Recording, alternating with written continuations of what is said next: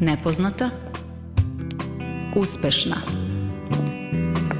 Udarna Kulturna Srećna i tužna Žena u kutiji Dobar dan, dobrodošli u Majsku ženu u kutiji. Narednih sat vremena mi pričamo, a od vas očekujemo aktivno slušanje. Mi smo autorski tim Milica Kravićak Summit. I Tamara Srijemac. Dobar dan. Volimo kada nam pišete na društvenim mrežama ukoliko vas neka priča pokrene. Poziv stoji naravno otvoren i da nam uputite predlog za teme o kojima biste volili da slušate. A koje teme pokrećemo ovog 10. maja?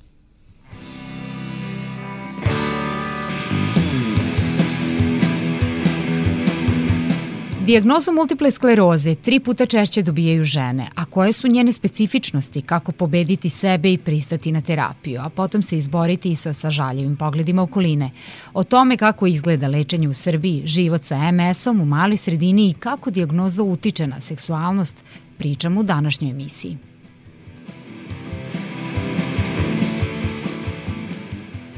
U 57 zemalja sveta skoro polovini žena uskraćuje se pravo na odlučivanje da li će imati seksualni odnos sa svojim partnerom, upotrebiti kontracepciju ili potražiti zdravstvenu zaštitu.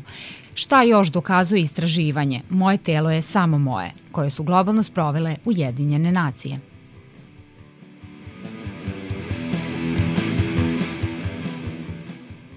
Na kraju emisije pozivamo vas na Đinđuveraj, sajam nakita i drugih rukotvorina u Bačkoj Palanci. Danas je počelo prijavljivanje.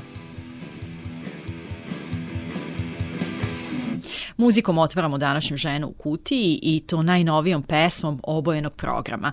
Alternativni novosadski bend objavio je u ovom mesecu dva singla i time su najavili novi album pod nazivom 2021 jednako 41, što aludira na 41 godinu postojanja benda ogroman staž bez pada u kvalitetu. Slušamo sada kvalitetnu, novu pesmu Ona samo pleše.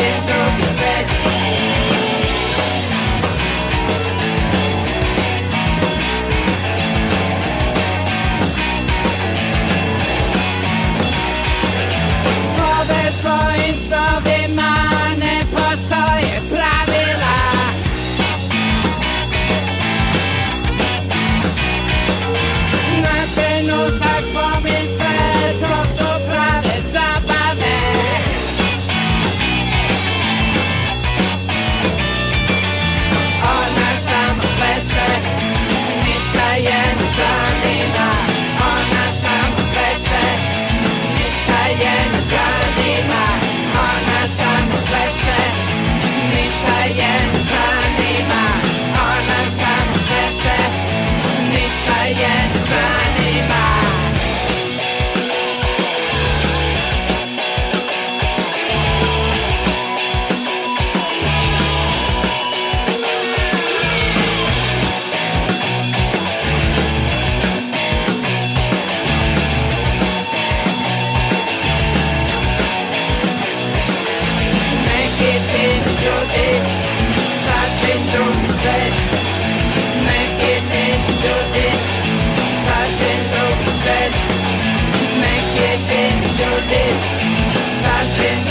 train.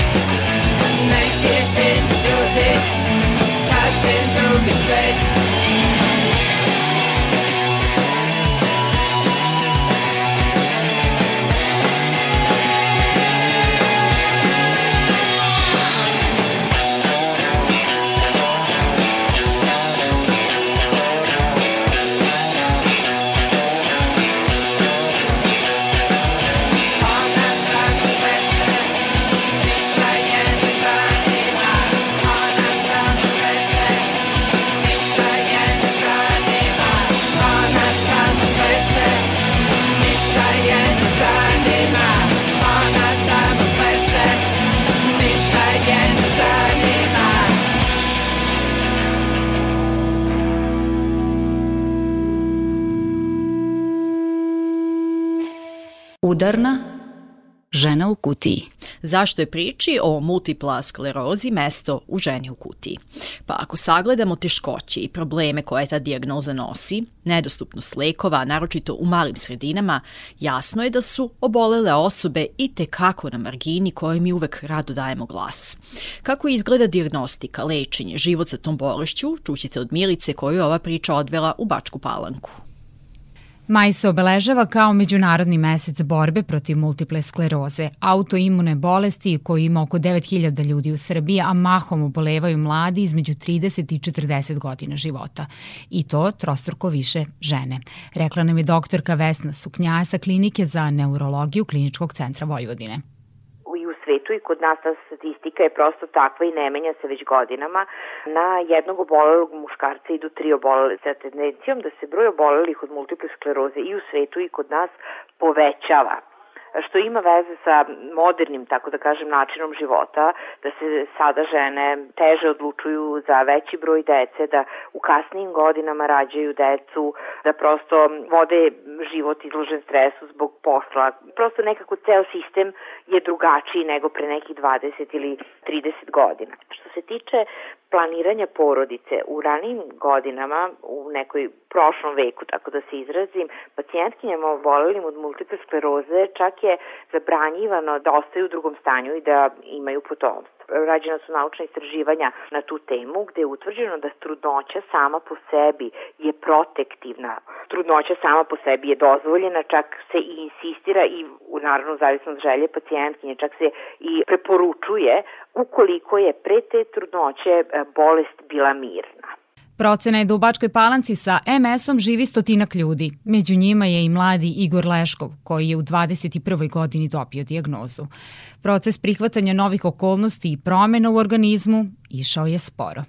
Ja sam nekih 6-7 godina sigurno od uspostavljanja diagnoze to gurao pod tepih, odnosno pravio sam se da to ne postoji, da to nije moje i tako dalje i tako dalje. Onda su se u, u, među vremenu javili ti neki relapsi, odnosno pogoršanja bolesti i onda je bilo neminovno i nekako nisam više imao energije da ja to nešto krijem, da ja to i valjda kako sam i malo došao u neke zrelije godine, 28-7 godina, e, to sam jednostavno shvatio da treba da prihvatim i prihvatio sam i e, sada je sve mnogo, mnogo, mnogo lakše. Kada mladom čoveku ili ženi sa 30-35 godina kažete da ima dijagnozu multiple skleroze, to je jako teško prihvatiti. Veliki procenat mladih ljudi za, ko, za koje je napravljena, odnosno smišljena ta terapija i koji su ciljna grupa lečenja ne prihvataju terapiju zato što ne mogu da prihvate bolest. Prosto mi uvek kažemo pacijentima da je terapija koja je hronična i dugotrajna, celog života se uzima. To je ulaganje u budućnost. A pacijenti najčešće imaju odgovor na to, ali sad sam dobro, meni ne treba terapija. Jako im je teško da shvate da je jako bitno sada dok si dobro da dobiješ terapiju da bi ostao dobro. Igor se osjeća bolje od kad prima novi lek o trošku Republičkog fonda za zdravstveno osiguranje koji je 2018. godine odobren u Americi i za sada i kod nas i u svetu pokazuje dobre rezultate. Moram to da kažem, prvo da sam ja jedan u 15% ljudi koji u Republici Srbiji zapravo imaju mogućnost da dobiju bilo kakav lek o, o trošku fonda. Tako da ja sam taj lek čekao dugo i onako valjda i psiha tad proradila jer kad nešto čekaš i kad znaš da nešto treba da ti se, da ti se desi dobro, a toga nema zbog covid pa ne znam, zbog svega ostalog što, što se dešavalo, pa se prolongiralo do avgusta prošle godine, ja sam onako već potonuo i već sam bio dosta loše zdravstveno. U tim trenucima dok sam, dok sam čekao lek, dok sam razmišljao o leku, dok sam razmišljao svim onim ljudima koji taj lek ne mogu da prime, recimo evo, nalazimo se, Dunav nas deli od Republike Hrvatske koja je pokrila sve svoje obolele sa 100%, a Republika Srbija samo sa 15%. Od prošle godine RFZO je obezbedio terapiju za taj mali procenat ljudi sa MS-om, koji je jedna od redkih neuroloških dijagnoza koja može uopšte da se leči, dodaje doktorka sa klinike za neurologiju Vesna Suknjaja, objašnjavajući da efikasnost lečenja upravo zavisi od trenutka kada se počinje sa primenom leka. Princip kojim funkcioniše terapija za multiplu sklerozu je taj da ta terapija ne dovodi do poboljšanja. Terapija umiruje bolest Znači, e, omogućava, neka vrsta je ulaganje u budućnost. Što se ranije krene terapija, samim tim omogućavamo našim pacijentima da duži vremenski period ostanu funkcionalni, bez deficita, bez ograničenja hoda, bez ograničenja e, smetnje vida i tako dalje. Znači, da budu e, funkcionalni i radno sposobni. Znači, jako je bitno na samom početku bolesti, dok vlada ta inflamatorna faza, kada su ti relapsi jaki i česti da se uključi terapija. Iako je za lečenje takvih dijagnoza neophodno da se posete glavni zdravstveni centri u Novom Sadu i Beogradu, ljudi koji žive sa MS-om mogu i u Bačkoj Palanci da se upoznaju sa svojim pravima, načinima socijalne i zdravstvene pomoći, mogu da dobiju priliku za razgovor, druženje i kreativan rad i to u lokalnom udruženju multipla skleroze, čiji je dugogodišnji član Nemanja Kontić, koji sa dijagnozom živi 30 godina. To je druženje, jednostavno tu skupimo se i družimo se, imamo radionice neke i tako, eto, ništa posebno sad da kažem. Nema, nemamo mi kao prvo, nemamo novaca za, za neke banje i tako nešto. Svako od nas ima neke svoje lekove i na svoj način se leči. Ja idem preko poliklinike. U ovoj situaciji da li uopšte moguće tražiti lek? Nažalost, novi lekovi u našoj zemlji dostupni su tek od nedavno, ali za lečenje rane faze, dok za one koji decenijama žive sa MS-om nemamo još adekvatnu terapiju, kaže doktorka Suknjaja posle 10 ili 15 godina multiple, kada se javi ta progresivna faza, to je svakim danom veće pogoršanje, to je takozvana degenerativna faza. E, na to ovi, nijedan od ovih lekova ne deluje. Zbog toga je jako bitno e, sam početak e, bolesti da tada damo ovaj, lekove, da umirimo tu, tu upalu, prosto srpski rečeno, na taj način da odložimo tu drugu degenerativnu fazu kada lekovi ne deluju. Među razlozima zašto je mladima teško da se suoče sa dijagnozom i prigrele lečenje je i stigma sredine koju je osetio na svojoj koži pačkopalančanin Igor Leškov. Pa odmah ću reći da je odmoglo u startu jer mislim znam, znam svoje mesto, znam, znam šta se dešava, znam kako ljudi razmišljaju u većini, ne generalizujem, ali to je tako. I bilo je teško zato što e, sam se osjećao kako bih rekao, loše sam se osjećao samim tim što znam šta imam, a i kako su neki drugi ljudi počeli da me gledaju koji su znali u tom momentu šta se sa mnom dešava. I to mi nije bilo prijatno i kao neka vrsta stigme u tom momentu da, da, da sam imao. Ja ne verujem da ljudi upiru prst u mene, jednog onaj sa MS-om ili tako nešto, ali kada, kada se uđe u neki razgovor, zna, dođemo do toga i onako imam osjećaj da me ljudi gledaju drugačije, što, što mi je možda i najteže u celoj priči.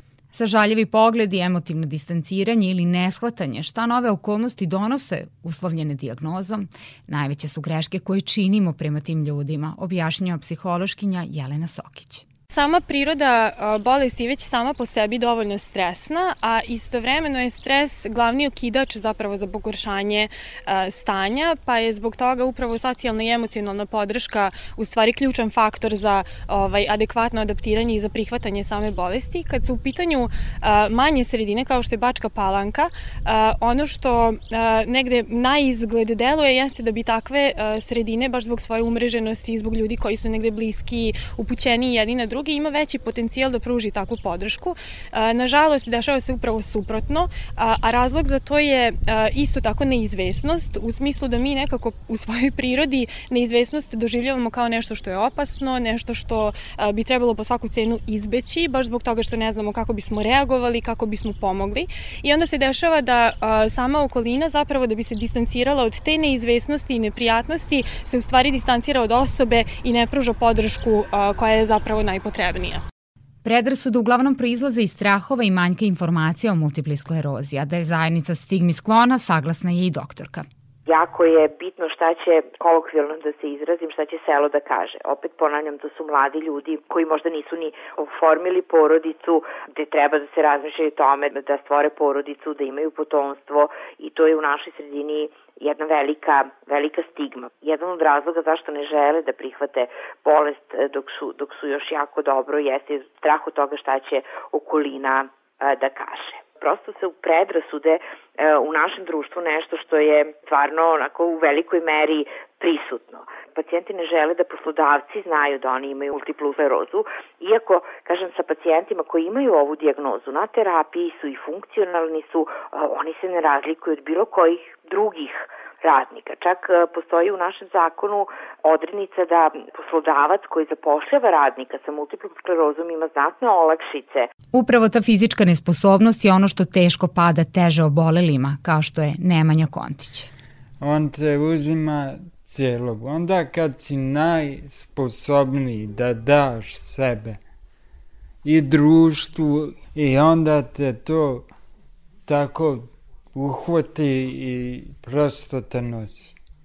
Nemanja je sa nama podelio emociju, ali istina je da kao društvo nismo skloni otvorenim razgovorima o svom telu, promenama, seksualnosti i takvoj vrsti problema koja je inače karakteristična za multiplu sklerozu. Zaboravljamo da rešenje i savet imaju lekari poput doktorke Vesne Suknjaje i njeni kolega sa Kliničkog centra Vojvodine.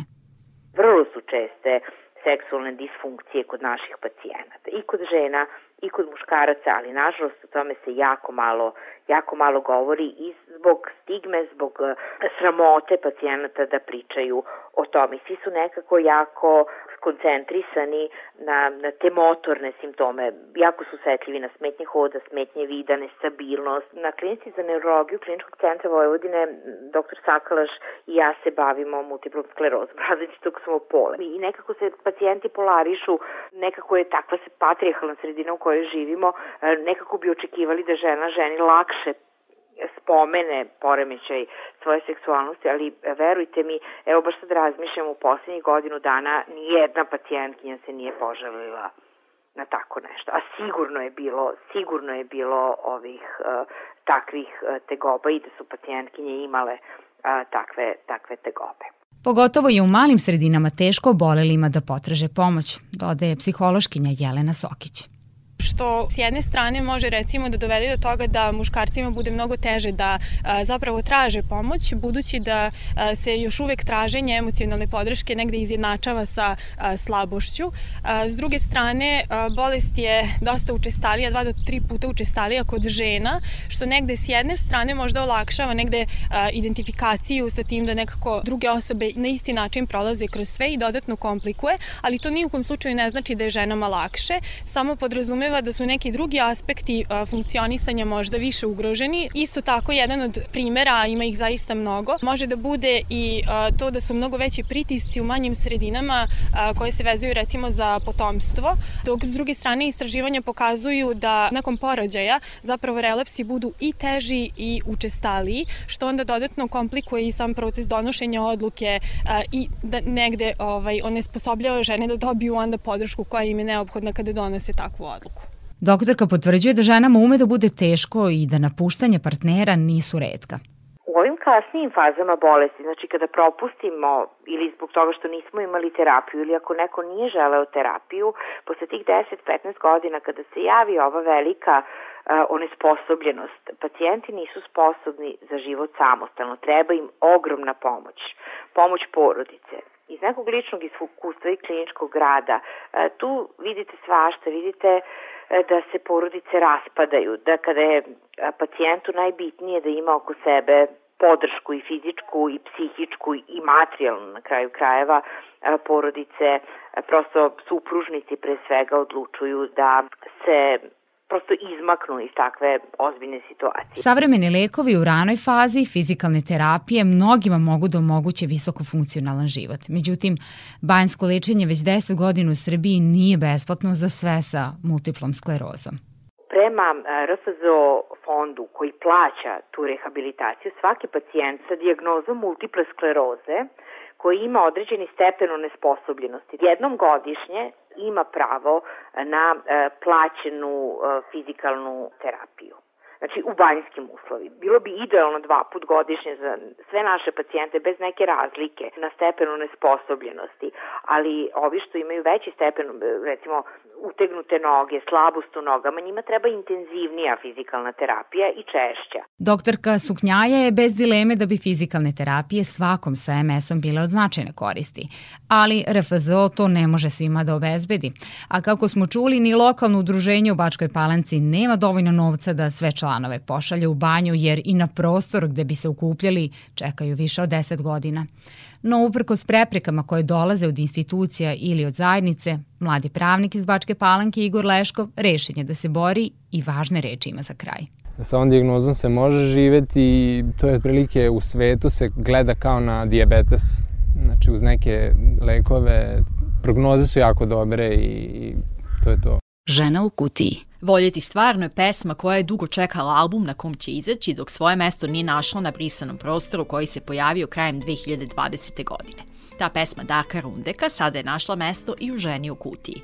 Pre desetak dana izašao i spot, proverite i to, ali sada uživajte u muzici Rundeka i ekipe.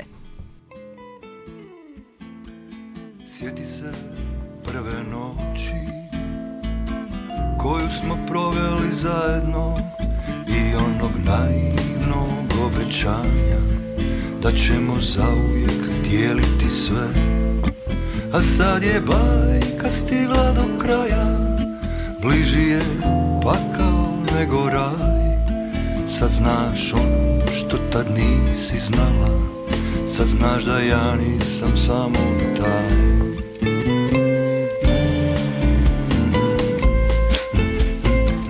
Da ćeš me voljeti stvarno?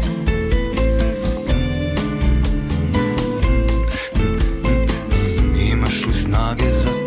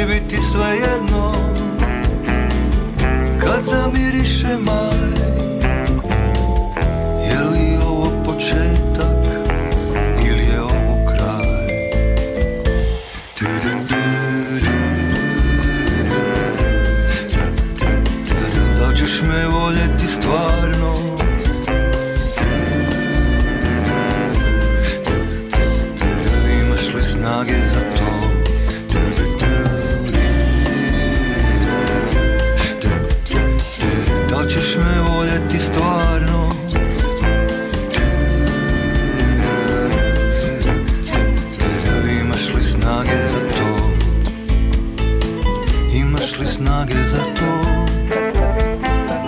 Imaš li snage za to? Imaš li snage za to? Hop, hop.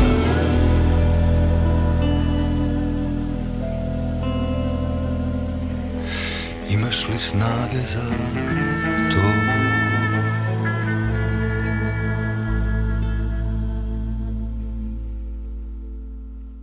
Nepoznata žena u kutiji.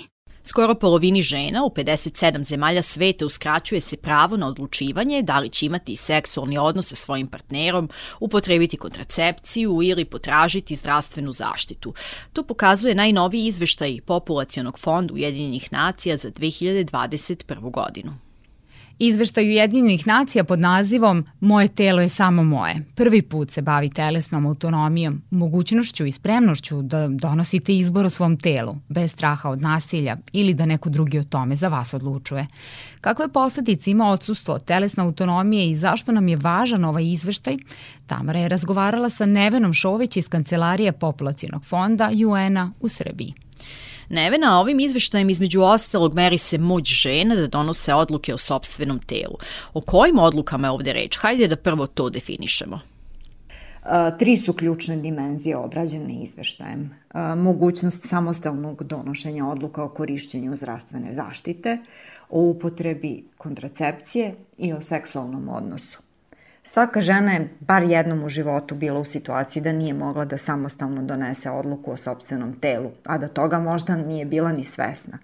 Razmišljala je šta će da obuče ili da li će njena odeća provocirati neko ponašanje. Ili da li je u redu da ne koristi kontracepciju ako partner to zahteva od nje. Ili da li je u redu da kaže svom partneru da ne želi seks u tom trenutku. Često se odluke o sobstvenom telu donose pod pritiskom, a to ostavlja trajne, ne samo fizičke, već socijalne, ekonomske i psihičke posledice na ženu.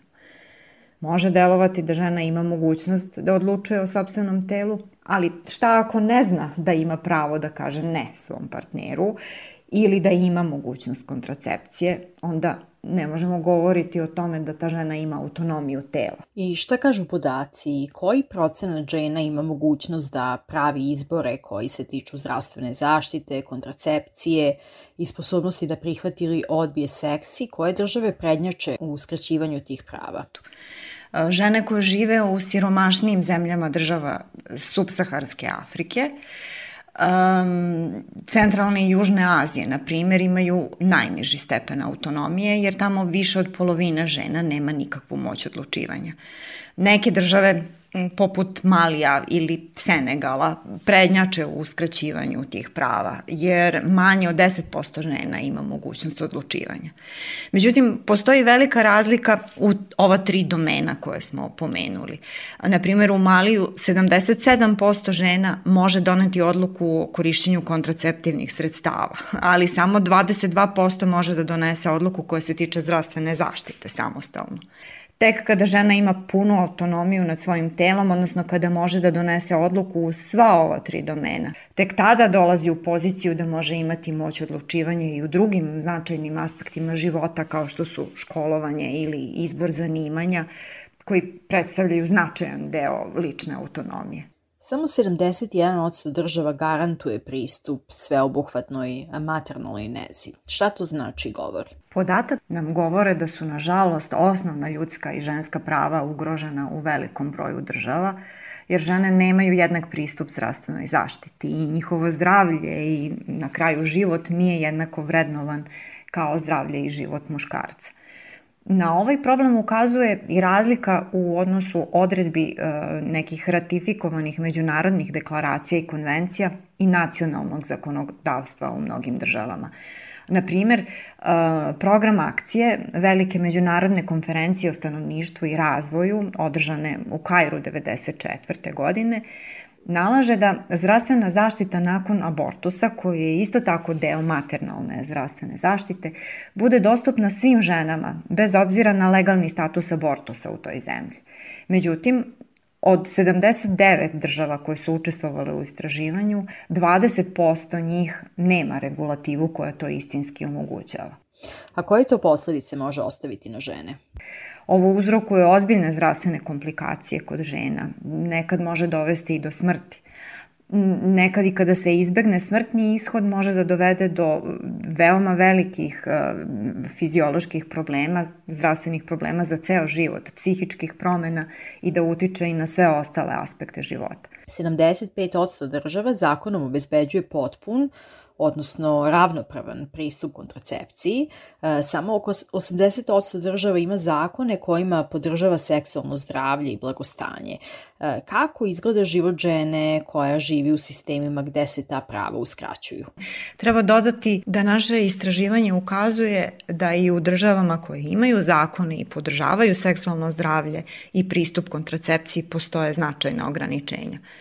U nekim zemljama su ta ograničenja vezana za godine starosti, u nekim za, rečimo, bračni status ili dozvolu od strane partnera ili nekog trećeg lica. E, čak i ako pogledamo neke susedne države, Uh, na primer, hitnu kontracepciju bez roditeljske saglasnosti u Italiji uh, devojčica može dobiti sa 14 godina, u Hrvatskoj sa 16, uh, u Severnoj Makedoniji sa 18 godina.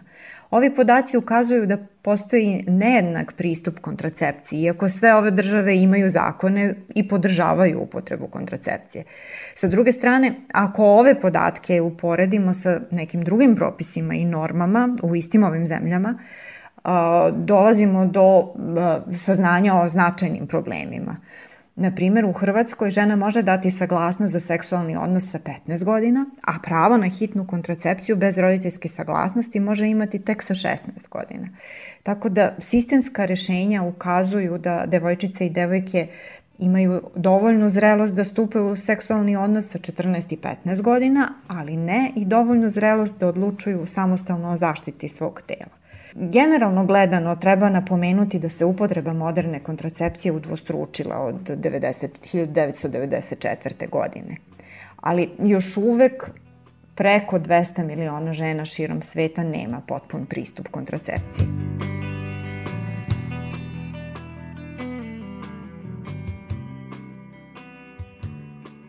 Da li u tom kontekstu možemo govoriti o rodnoj neravnopravnosti? Svaka žena koja je na neki način uskraćeno pravo na kontracepciju proživljava sistemsko nasilje. One nemaju vlasništvo nad svojim telom ni moć odlučivanja da li i kada žele da imaju decu. Rodna neravnopravnost je jedan od ključnih faktora koji utiču na pitanje jednakog pristupa kontracepciji. Ovo naše globalno istraživanje ukazuje da muškarci u nekim područjima smatraju da je njihovo pravo da odluče koliko će dece imati i da li će biti korišćena kontracepcija, kao i koji vid kontracepcije može da bude korišćen. Nejednake pozicije moći u partnerskim odnosima predstavljaju još jednu od ključnih barijera. Prema nekim nalazima nekada i razgovor o kontracepciji može dovesti do velikih problema čak i do rodno zasnovanog nasilja. Podaci u izveštaju koji su, mogu da kažem, više nego uznemirujući i verujem mnogima nepoznati su da 20 država, odnosno teritorija, ima zakone koji podržavaju udaju za silovatelja. E, dakle, muškarac može da izbegne krivično gonjenje ako oženi ženu ili devojčicu koju je silovao. O kojim državama je reč? Neke od tih država su, na primjer, Alžir, Angola, Eritreja, Tajland, neke druge. Na primjer, i u Rusiji, ako je silovatelj napunio 18 godina i počinio silovanje devojčice ispod 16 godina, on neće biti kažnjen ukoliko oženi žrtvu. Ne treba zaboraviti da u nekim zemljama još uvek postoji kazna za ženu ili devojčicu koja je silovana – a koja može da uključuje čak i ubistvo iz časti. Tačan broj ubistva iz časti je nepoznat, ali se smatra da svake godine oko 5000 žena bude ubijeno i to najviše na Bliskom istoku i u Južnoj Aziji. E, I kada govorimo o ovakvim drastičnim primerima, nažalost ima ih još, e, šta kaže izveštaj kada je reč, na primjer, o silovanju u braku, slobodi kretanja? Dvogodišnji izveštaj o stanju stanovništva ukazuje da 43 države na svetu nemaju uopšte zakonske norme koje zabranjuju silovanje u braku. Jednostavno nemaju okvir za krivično procesuiranje. Sa druge strane, i države koje prepoznaju silovanje u braku imaju praksu da daju značajno niže kazne nego za silovanje van braka. To govori koliko su duboko ukorenjene patrijarhalne norme po kojima je telo žene u vlasništvu njenog partnera. U posebnom se riziku nalaze žene sa invaliditetom. E, prema istraživanju organizacije Disabled World, čak 80% žena su preživele neki vid seksualnog zlostavljanja, a samo 3% žena sa invaliditetom je ikada prijavilo takvo ponašanje. Žene sa invaliditetom su u značajno većem riziku od silovanja u braku i generalno od partnerskog nasilja, kao što je ograničena sloboda kretanja. Kad smo već kod slobode kretanja, preko 30 država ograničava pravo ženama da se kreću izvan svoga doma. Izveštaj ukazuje na jaku povezanost između silovanja u braku i dečijih brakova. Najveći procenat silovanja u braku, recimo u Ugandi, u Africi, desio se prema devojčicama između 15. i 19. godine koje su bile kupljene od strane svojih partnera, odnosno muževa. I sada kada analiziramo sve navedene podatke, gde je Srbija u svemu tome? Kakva je mogućnost odlučivanja o sobstvenom telu žena u našoj zemlji? Najviše podataka o stanju u Srbiji nam pruža istraživanje višestrukih pokazatelja o stanju žena i dece u Srbiji ili MIX, koji je poslednji put sproveden 2019. godine, a rezultati su postali dostupni u oktobru prošle godine, 2020. Istraživanje nam pokazuje da u Srbiji među ženama starosti od 15 do 49 godina koje su udate ili su u vanbračnoj zajednici, odluke o reproduktivnom zdravlju samostalno donosi 82% žena, dok skoro jedna petina, 18%, te odluke donosi u dogovoru sa svojim mužem ili partnerom. Taj odnos je nešto drugačiji u romskoj populaciji gde 56% žena odluke donosi samostalno, a 41% u dogovoru sa svojim mužem ili partnerom.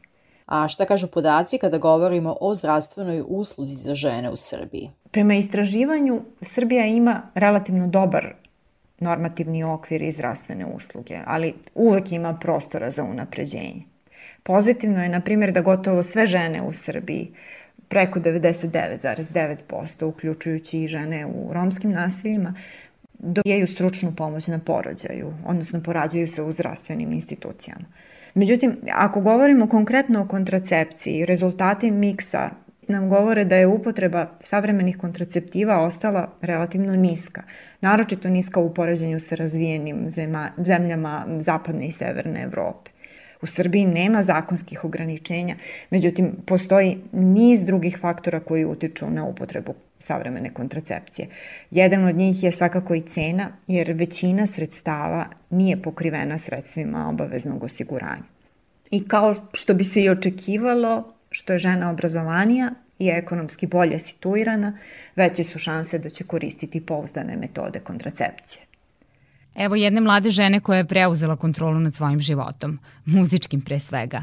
Ona stvara muziku savremenog doba, zove se Tam, ja je mnogo volim, e, iako odskače žanrovski od muzike koju uobičajeno slušam. Aj ćao, kaže Tam, ali nemojte stvarno da odete jer Žuk za vas ima još informacija. Snage crtam ti po telu, drage ostavljam po svemu, puno toga u sistemu, zato menjam teku temu. Aj čao, aj samo Skupi svoje stvari spoda dok još uvek mi se znao I nije mi stalo Tebi išlo trebalo bi da si odrasao davno Ej,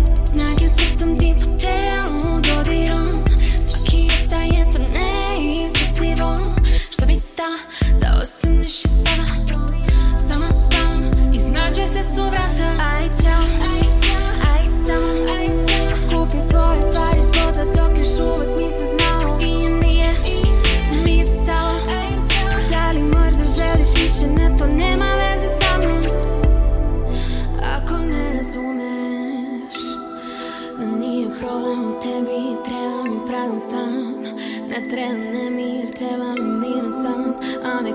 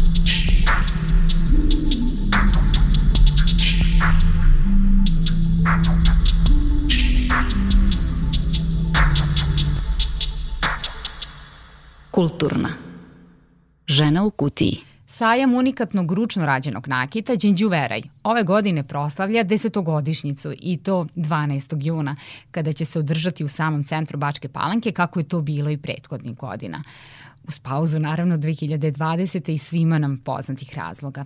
Danas su počele prijeve za sajam i trajeće do 7. juna, kaže Tamara Jožić, pijarka Đinđuveraja svi zainteresovani kreativci koji se bave isključivo ručnom izradom nakita, dakle samo je nakit u pitanju, treba da pošalju svoje kontakt podatke, naziv radionice kao i fotografije nakita na mail adresu omladinskic.bp.gmail.com do 7. juna. Takođe ono što zanima kreativce jeste i kako izgleda sam prostor sajma. Na otvorenom je pod jednu tendu u kojoj se, da kažemo tako, izlaže, mogu da stanu dva školska stola.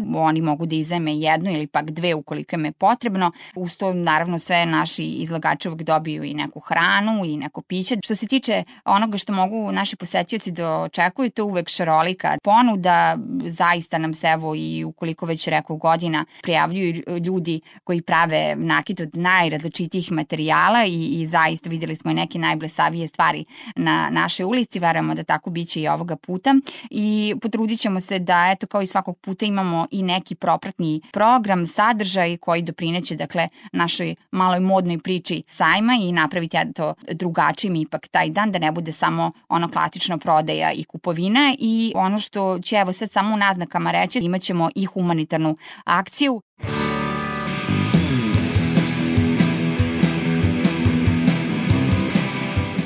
Zatvaramo današnju kutiju. Družimo se ponovo za dve sedmice. Pišite nam na društvenim mrežama i učestvujte u kreiranju naše feminističke priče. Pozdravljaju vas Milica Kravićak Samit i Tamara Srijemac. Tu je i majstor tona Dalibor Vidović kao i pesma za kraj. I to instrumentalna, zašto da ne. Slušamo Nadir, sve što mi treba. Doviđenja.